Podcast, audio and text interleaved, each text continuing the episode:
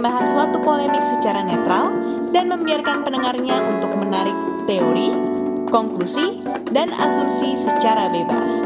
Podcast Silat Lidah, menabur opini, menuai diskusi.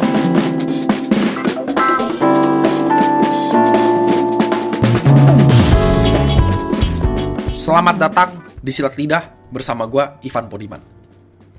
Pesilat, pernah nggak sih lu masuk aplikasi dating online? Macam Tinder, Coffee Meet Bagel. Lu swipe kiri, swipe kanan, terus match dan ngobrol. Yang padahal lu sebelumnya nggak pernah kenal sama orang itu sama sekali. Eh, nggak taunya temen online lu yang baru ini nyambung banget sama lu. Terus kalian kerjanya chatting tiap hari ngebahas banyak hal. Alhasil, bersemilah cinta. Tapi guys, justru inilah inti permasalahan topik pada hari ini yang bakal gue bahas. Gue bakal menggali hal ini lewat satu pertanyaan. Is love blind? Tapi tunggu dulu.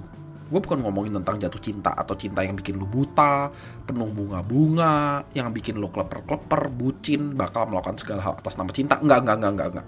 Gue bukan bahas soal itu. Gue lagi mau bahas gini. Bisa nggak sih lu jatuh cinta sama orang yang lu nggak pernah ketemu sama sekali? Gue akan membuka topik ini dengan satu cerita tentang film Love is Blind yang ada di Netflix. Jadi gue ceritain ya, Love is Blind ini bercerita tentang reality show orang-orang yang e, menemukan cinta. Jadi caranya gini, ada cewek, ada cowok, mereka tinggal di dua apartemen yang berbeda. Lalu mereka ketemu di tengah dalam sebuah pot. Pot itu POD, pot itu kayak bunker-bunker gitu, di mana mereka bisa masuk ke dalamnya, mereka bisa saling ngomong tapi nggak ngeliat bentuk fisik sama sekali. Jadi yang mereka denger cuma suara doang. Jadi berhari-hari mereka bebas tuh, udah kayak speed dating, mereka bebas. Masuk pot yang kiri, masuk pot yang kanan, pindah cewek, pindah cowok, semuanya saling menemukan kayak berusaha kecocokan cuma based on suara dan uh, ngobrol. Tapi fisik nggak boleh lihat sama sekali, itu intinya. Nah jadi di sini yang lucunya ini uh, mereka udah kayak ngumpulin preferensi berhari-hari gitu intinya dan setelah udah 2-3 hari mereka rata-rata kayak udah punya kayak oh gue suka sama si ini nih si ini mereka cuma kenal by nama doang gitu intinya gitu loh. Nah, setelah berapa hari mereka boleh memutuskan atau menyatakan cinta. Tetap pada saat menyatakan cinta tetap tidak bertemu. Sampai mereka menyatakan cinta dan yang pihak sana menerima, mereka baru dipertemukan, boleh saling lihat. Perkara apakah urusan cintanya ini berlanjut ke pernikahan, silahkan lo nonton sendiri di Netflix. Bukan ini yang gue mau bahas. Tapi kita sekarang balik lagi ke Tinder Coba bayangin lu main Tinder, Coffee Meet Bagel atau whatever it is. Tapi pasangan lu itu nun jauh di sana, anggap aja jauh deh, nggak usah jauh-jauh deh, anggap aja Surabaya atau Bali, sama-sama Indonesia. Tapi lu nggak bisa ketemu kan? Anggap aja teknologi video call belum ada, jadi lu cuma bisa kirim-kirim foto maksimum. Atau gue mau tarik lagi deh, zaman waktu masih SMS-an. Anyway, lu cuma staring at your screen, lu cuma ngeliat screen lu, lihat kata-kata, lihat teks. Gue masih kebayang zaman dulu tuh orang bisa SMS-an lihat teks di layar. Kayak seolah-olah tuh teks di layar itu tuh bisa memberikan lu sebuah fantasi atau imajinasi di mana saat gambar nggak ada, justru aura kemisteriusan dari teks-teks itu yang mungkin bikin seorang jadi makin penasaran. Oke, gue coba riset-riset lagi di pertanyaan ini nih. Bisa nggak sih lu jatuh cinta sama orang tanpa pernah ketemuan? Dan hampir semua artikel yang gue baca di internet memberikan jawaban bahwa tidak mungkin lu bisa jatuh cinta pada orang yang tidak pernah lu lihat. Oke, contoh, gue ambil artikel dari Huffington Post yang jelas-jelas mengklaim bahwa jatuh cinta dengan orang yang tidak pernah lu ketemu adalah impossible. Kenapa? Begini bos, argumennya. Di artikel ini gue baca dia jelasin, cinta itu jelas butuh-butuh yang namanya sentuhan. Eh, ini nggak cuma refer urusan seks loh. Tapi kayak baunya ini orang. Tekstur skinnya itu orang. Vibe, vibe atau kayak wavelengthnya itu orang pada saat ketemu. Mungkin lu tetap bisa sih ngerasain vibe-nya pas lu ngomong on the phone, tapi gini deh bos, lu berapa sering sih ngomong di telepon? Mau interview kek, mau apa kek, bahkan lu ngomong di telepon mau jualan barang, begitu lu ketemu orangnya, lu bakal bilang kayak ancur beda amat gila. Di bayangan gue ya di, di telepon kok suaranya sama bentuk aslinya beda. Sering banget kan lu kayak gitu ngalamin. Nah, bahkan artikel ini ngebahas lebih panjang lagi.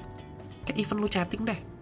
Saat lu chatting lu bisa mikir dulu dong sebelum lu bales. Lu nggak bisa bisa lu dia bales lu bisa mikir dulu nih gue mau bales apa nih? Jadi nggak spontan gitu loh. Nggak terlalu genuine. Atau saat lu video call pun masih banyak trik. Ubah pencahayaan lah ubah angle lah pakai topi lah buat tutupin rambut lu yang mungkin lagi bad hair day gitu atau kalau dia ada tato naga satu punggung pun ya pasti nggak akan kelihatan lah kalau lagi video call gitu ini udah kayak film My Boss is a Gangster aja nih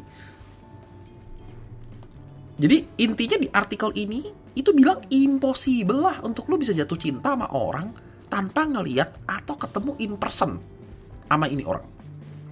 Jadi gue di titik ini udah sempet mikir, hmm, bener juga ya.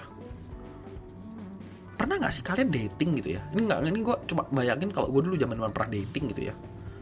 Terus kayak udah ngomong gitu, lu nggak tahu kenapa, you don't know why gitu, everything seems perfect, orangnya oke, okay, orangnya baik, muka cakep, badan bagus, personality oke okay, gitu, tapi kayak, uh, ada sesuatu yang nggak bisa lu jelasin apakah cara dia ngomong atau vibe-nya atau the way the interaction goes gitu ya yang kayak nggak deh nggak bisa dulu deh. Nggak tau kenapa gitu lu nggak bisa jelasin gitu loh. Nah jadi setelah me, me, membaca artikel ini dan membayangkan pengalaman-pengalaman gue gue bisa cukup bilang sih bahwa mungkin kalau nggak ketemu susah ya. Karena ada begitu banyak hal-hal detil-detil kecil-kecil yang tidak bisa lu jelasin yang bisa buat kayak chemistry itu ada halangan gitu loh tapi tunggu dulu nih bat bat bat bat, bat tunggu dulu tunggu dulu tunggu dulu. Gue juga ada sedikit argumen. Balik lagi ke film Love is Blind di Netflix. Gue bener-bener ngeliat nih proses psikologi yang terjadi di peristiwa waktu mereka kenalan di pot itu gitu loh. Kayak mereka nggak ngeliat ini orang. Mereka cuma mendengar. Atau mungkin kalau dalam kasus Tinder atau chatting online lu membaca teks-teksnya.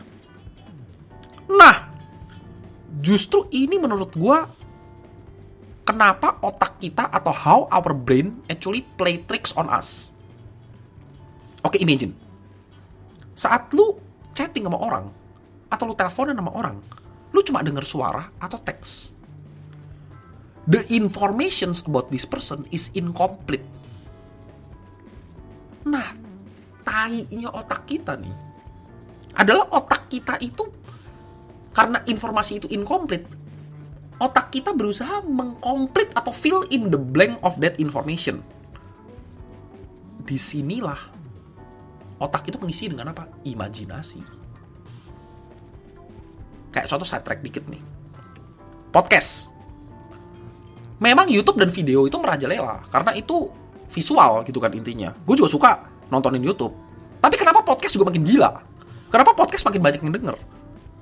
Selain memang karena lebih mudah, tapi di sinilah kita bisa melihat the power of theater of mind. Fenomena inilah yang mungkin terjadi dalam urusan online dating without seeing. Rasa penasaran itulah yang bikin gabungan kayak istilahnya dari penasaran, emosi, ditambah sedikit imajinasi, menjadikan rasa cinta tanda kutip itu bisa timbul. Tapi tunggu, di sini otak gue sudah mulai memberikan warning nih. Apakah betul itu cinta? Atau istilahnya kita cinta pada orang itu atau kita cinta pada imajinasi akan orang itu? Singkatnya, apakah kita betul-betul mencintai orang itu? Atau yang kita cintai adalah bayangan tentang orang itu? Ngerti gak guys? Jadi, di sini gue rada setuju dengan lu harus ketemu dan nggak mungkin jatuh cinta tapi kadang-kadang the fun of playing in our theater of mind has its own fun dan ini yang sebenarnya bisa menarik nih di sini tentang fenomena dating online ini tapi terlepas dari kontroversi is love really really blind kalau ngomongin soal is love blind, ada satu topik yang benar-benar nggak boleh dilewatin nih kalau ngomongin soal blind love. Dan ini lebih unik lagi nih urusannya, yaitu arranged marriage. Hah? Kenapa arranged marriage? Gini bos. Oke lah, kalau lu mau ngomong zaman sekarang nih arranged marriage sebenarnya gue lihat tetap konsensual juga gitu alias tetap nanya pendapat anak gitu bukan bukan forced marriage atau dipaksa gitu ya Tapi contoh, gue tahu di dalam agama Islam ada yang namanya ta'aruf. Dan dalam agama Kristen juga yang super ortodoks nih, ada yang namanya courting atau courtship. Intinya, pertemuan antara si pria dan wanita sebelum menikah sangat dibatasi. Bahkan setahu gue urusan cinta dua orang itu udah bukan urusan dua orang, tapi urusan satu kampung. Mulai dari ortu, guru agama, bahkan matchmaker. Nah menurut gue dalam urusan ini love tuh udah bukan blind lagi nih kasusnya nih. Tapi ini udah bias. Karena pengaruhnya banyak banget. Ini udah bukan sekedar lu dibatasi, bahkan lu dicekokin gitu loh istilahnya ngerti gak? Maksud gue ini you don't even have a chance to decide or you don't even have a chance to measure. Karena ini semua udah lu udah dibanjiri dengan informasi dari banyak pihak. Jadi ini udah super blind lah menurut gue lah. Ini udah blind, blind, blind, blind, blind to the blind menurut gue. Karena lu bahkan gak even tahu bahwa yang di ngomong itu bener atau kagak. Masalahnya lu yang bakal ngejalanin 50 tahun ke depan gitu loh. Tapi, tapi guys, ada sebuah studi tahun 2012 by Statistic Brain. Percentage pernikahan di muka bumi ini yang arrange marriage itu 53% di seluruh dunia dari berbagai negara. Berarti udah setengah pernikahan di muka bumi loh. Tapi divorce rate-nya 6%. Bahkan di India, di mana itu pusatnya seluruh arrange marriage di muka bumi ini, cuma 1% perceraian gara-gara arrange marriage. Sementara di Amerika yang di mana tidak mengenal arrange marriage, 40% pernikahan berakhir dengan perceraian. Nah, terlepas dari urusan kita ngomongin perbedaan budaya nih ya, antara US dan India dan di seluruh muka bumi karena memang perbedaan budaya perceraian mungkin play role juga di divorce rate-nya juga. Tapi gini loh. Kita ngomongin yang membuat langsung gue terpikir kenapa itu bisa terjadi gini loh. Kita ngomongin dari tadi is love blind itu kan di sini referring to the blind sebelum lu menikah. Iya dong. Is love blind itu artinya apakah lu blind pada saat menentukan alias sebelum menikah. Tapi apakah justru kita semuanya salah? Di mana justru harusnya pada saat kita udah menikah lah kita harus blind. Alias kita udahlah tutup mata terhadap sebuah kekurangan pasangan kita. Live with reality and not with imagination. Dan itulah mungkin alasan kenapa arrange marriage malah bisa provide less divorce. Because it's very real. It uh, avoid itu istilahnya orang itu udah nggak terpikir imajinasi karena dari awal mereka sudah tidak diberi kesempatan untuk berimajinasi. Wow, ini topik sih menurut gue very much profound ya menurut gue ya. Dan gue udah sampai di penghujung topik gue ini. Jadi please kalau lu ada komen atau lu pernah mengalami fenomena either dating online atau bahkan lu pernah mengalami fenomena arranged marriage atau lu merasa bahwa actually uh, lu gak setuju juga dengan dating online dan lu lebih pengen fisik ketemu feel free ya tuh komen di Instagram gue podcast underscore silat lidah sampai ketemu di next episode. Salam